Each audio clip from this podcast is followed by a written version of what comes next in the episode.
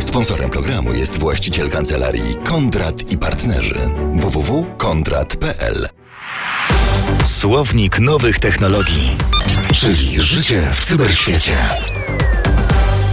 Naszym gościem jest radca prawny Michał Stępień. Dzisiaj rozmawiamy o fake newsach. To jest rosnące zjawisko y, na całym świecie.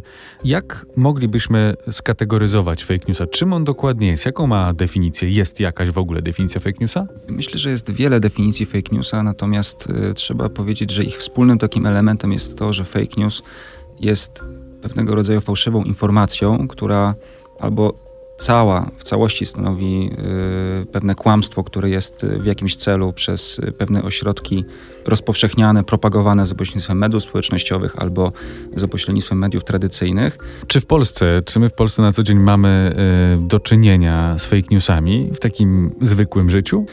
One są często nawet nieświadomie przez nas dalej rozpowszechniane, w związku z czym przyczyniamy się do tego, żeby tych fake newsów było coraz więcej. Często trudno jest tak na pierwszy rzut oka dostrzec, co jest fake newsem, a co fake newsem nie jest, bo właśnie najlepsze kłamstwa mają to do siebie, że często one zawierają sobie odrobinę prawdy albo są przedstawione w sposób, który wydaje się przynajmniej prawdopodobny. A takie intencjonalne fake newsy, mamy jakiś y, przykład z naszego polskiego podwórka, y, że ktoś specjalnie, intencjonalnie rozpowszechniał nieprawdę w całości od początku do końca?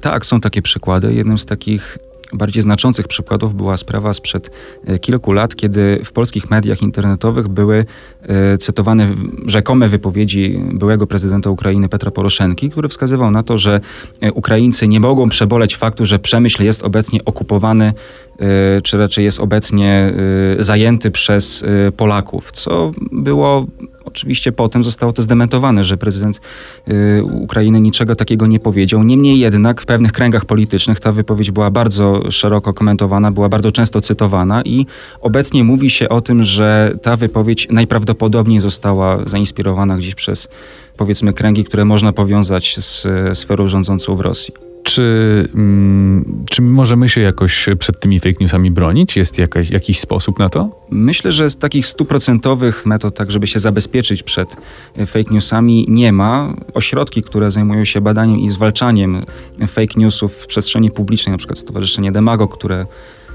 w Polsce zajmuje się y, jakby łapaniem wypowiedzi takich fałszywych albo kłamliwych, które, które zostały wypowiedziane przez polityków. Y, to zalecają przede wszystkim zachowanie zdrowego rozsądku, sprawdzanie źródeł, y, nieufanie wiadomościom, które na pierwszy rzut oka stanowią sensację, bo jest to jedna z cech takich y, fake newsów, że to są wiadomości, które na pierwszy rzut oka od razu stanowią wielką sensację. Sprawdzanie danej wiadomości w kilku źródłach, czy faktycznie ta, ta sama informacja, ta sama treść powiela się, czy jednak jest to tylko narracja, powiedzmy, z jednego jakiegoś ośrodka.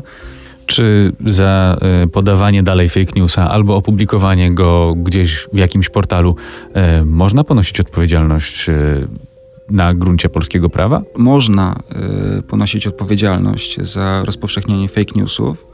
Niemniej jednak dowodzenie tego faktycznie skąd dany fake news wypłynął i jakiego rodzaju są to informacje, czy są one sprawdzalne, byłoby trudne do ustalenia dowodowo. E, natomiast e, ciekawostką jest to, że w Singapurze niedawno uchwalono prawo, w którym e, za rozpowszechnianie fake newsów, które rząd albo odpowiednie władze uzna za szkodliwe dla porządku państwowego, to ustalony sprawca rozpowszechniania takiego fake newsa może ponieść karę w wysokości nawet 10 lat więzienia albo 1 miliona dolarów singapurańskich, które mają wartość około 720 tysięcy dolarów amerykańskich. Brzmi to jednak y, na trochę takie autorytarne zapędy.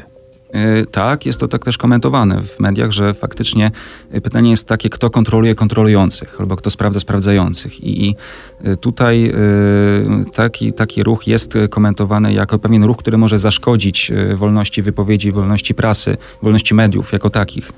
Przy czym Rząd y, komentuje to w ten sposób, że oczywiście y, satyry, parodie czy, czy wypowiedzi, które y, są tylko w kontekście politycznym, nawet, nawet, nawet w opozycji powiedzmy do, do obecnego rządu, nie będą traktowane jako te fake newsy, tylko będą trzymać się ściśle tej definicji fake newsa jako tych wiadomości oczywiście kłamliwych, nakierowanych wyłącznie na walkę polityczną w celu tak naprawdę oszukania albo niedopowiedzenia prawdy i wywołania fałszywego wrażenia u odbiorców w celu jakby wywołania u nich określonych zachowań.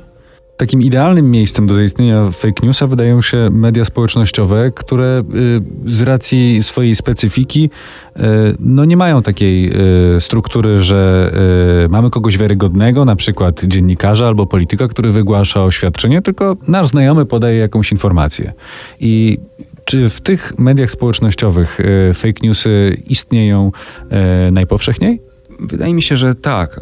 Trzeba wskazać na y, przede wszystkim takie media jak Twitter czy, czy Facebook, gdzie no, takie wiadomości w, w dobie y, bardzo takiego powszechnego dostępu właściwie każdego y, do tych mediów, można się zetknąć z takimi informacjami, które na pierwszy rzut oka są takie bardzo sensacyjne, są wręcz niewiarygodne i dalej gdzieś tam są rozpowszechniane, tak jak pan wspomniał, przez znajomych, bez weryfikacji ich treści.